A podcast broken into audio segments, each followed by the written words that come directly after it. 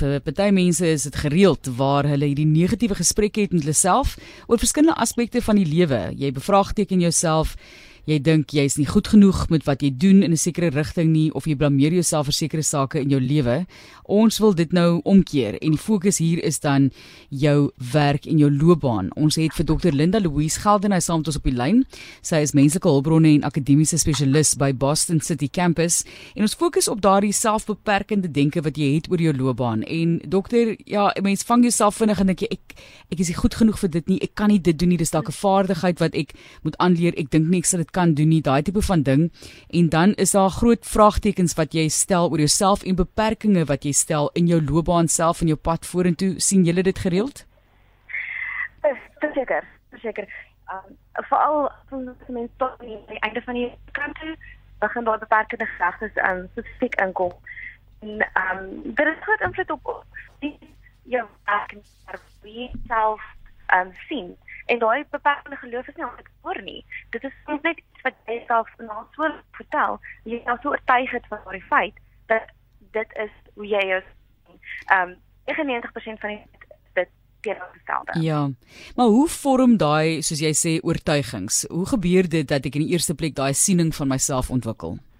Dit so, kom van 'n baie vroeë ouderdom af van ons kinderjare en begin daar uh ons wêreld, ons ek daarin. Ons brein is baie goed om sulke patrone raak te sien en ons maak assosiasies. So ons werk voortdurend die stroom inligting oor die wêreld um, om en ons gebruik om hierdie oortuiging te vorm. In die vroeë kinderjare die oortuiging gebaseer op ervaring um, en dit is dominant die ouers. Ehm um, hulle is die dominante figure in jou lewe so hulle het 'n groot invloed op hoe jy jouself sien. Ehm um, byvoorbeeld asseblief en dankie. Dit is uh, gelowe en oortuigings wat ons aanleer van 'n klein ouderdom af. Ehm um, jy weet om om respek te toon. As ons ouer word, begin ons word meer oortuigings vorm.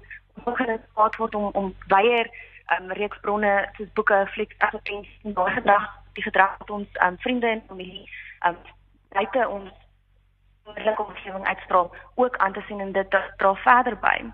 So basies waaroor ons gepraat het is maar net jou ehm um, hoe jy denke vorm en ons het gesê dit kom van 'n baie klein ouderdom af.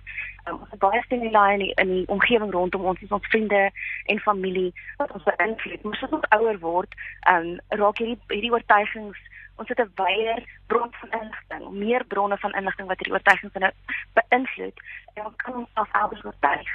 Ehm um, baie van die selfbeperkende of die tipe beperkende ehm um, gedagtes wat ons het wat spesifiek op die loopbaan invloed kan hê. Byvoorbeeld almal rondom my hierdie lewe uitgeplei. Ek weet presies waarheen waarheen hulle gaan, maar ek is nog nie daar nie. Wanneer ons kyk na ons loopbaan, ehm dit gaan partykeer 'n 'n bietjie van 'n tyd neem vir alles mense loop ons kyk om maak bietjie later in hulle lewe. Ehm dis reg net moet sien dat dit jou uh skrikwekkend is, sê van jaant is en dat jy dink jy nog nie lewe uitgeplei maar ehm um, wanneer jy die hoogtepunt ehm um, of die perfekte rol kry ontdek. Um kan dinge baie verander. Byvoorbeeld sosiale media het 'n groot rol um op ons hoe ons onsself sien en hoe ons dink ons het nog nie alles uitgepleis nie. So om jou geleefde ervaring te vergelyk met die geredigeerde kikkies en uh video's wat mense op sosiale media plaas is iets wat wat ons um van weg te beweeg van 'n groot bydrae hê op hierdie die lelike gedagtes dat nie een wat wat ons kan of wat uh, kan gebeur is ek is nou oud om te verander. Ons voel dikwels dat ons oor 'n sekere ouderdom net styf moet sit in ons huidige werk. Ehm um, maar mense wat tot 100 plus jaar oud word, um, dit is belangrik om ooit geword om verskillende werk te vind. Of jy jonk is of jy oud is, um, ondervinding is nie uh, nie ervare is nie. Ehm um, jy kan begin om stappe te neem om verandering te maak. Jy is nooit te oud om, om te leer nie. Dit is 'n 'n sê ding wat baie wat ek baie hoor. Ehm um, en ek het gesê dat ek nie tyd nie of ek is bang. Die laaste ene ek is bang is ook 'n groot een. Dit kan kan ons op vreemde maniere ehm um, belemmer en ons weerhou om ons potensiaal te bereik. So as jy bang is om iets te doen, vra jouself af wat is die ergste wat kan gebeur? Wat as dit wel gebeur? Maak 'n plan. Dink aan aan hoe jy daai probleem kan oorkom of te kan minimaliseer of selfs te kan elimineer. So kom ons kyk hoe ons dit kan oplos ook asseblief. Wat doen 'n mens? Wat is die stappe wat ek kan neem om daarvan ontslae te raak? Ek het nou vroeër gesê ek wil ontslae raak in my brein van negatiewe praat met jouself enigsins in die jaar wat voorlê want dit is dis 'n dis eintlik toksiese gesprek wat jy het met jouself. Hierdie is ja. nog gefokus op jou loopbaan. So gee vir ons 'n idee van hoe 'n mens ontslae kan raak van daardie selfbeperkende denke soos jy dit noem. As 'n mens kyk in 'n kamera lens, is daar baie keer filters, spesifiek op sosiale media, filters wat jy op jou op jou fotootjie kan sit om dit beter te laat lyk. Nou ons het ook so 'n filter in ons brein wat hierdie ehm um, gedagtes aanhelp wat vir jou byvoorbeeld ehm um, as jy sê dit is moeilik. Dit is 'n filter wat jy opsit want dalk is dit nie so moeilik nie. Ons sien almal deur ons eie unieke lens, ons eie unieke perspektief.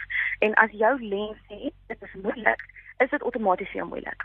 So om eers net daai filter te kan sien en daai filter te kan verwyder, byvoorbeeld ehm um, jy kan dit uh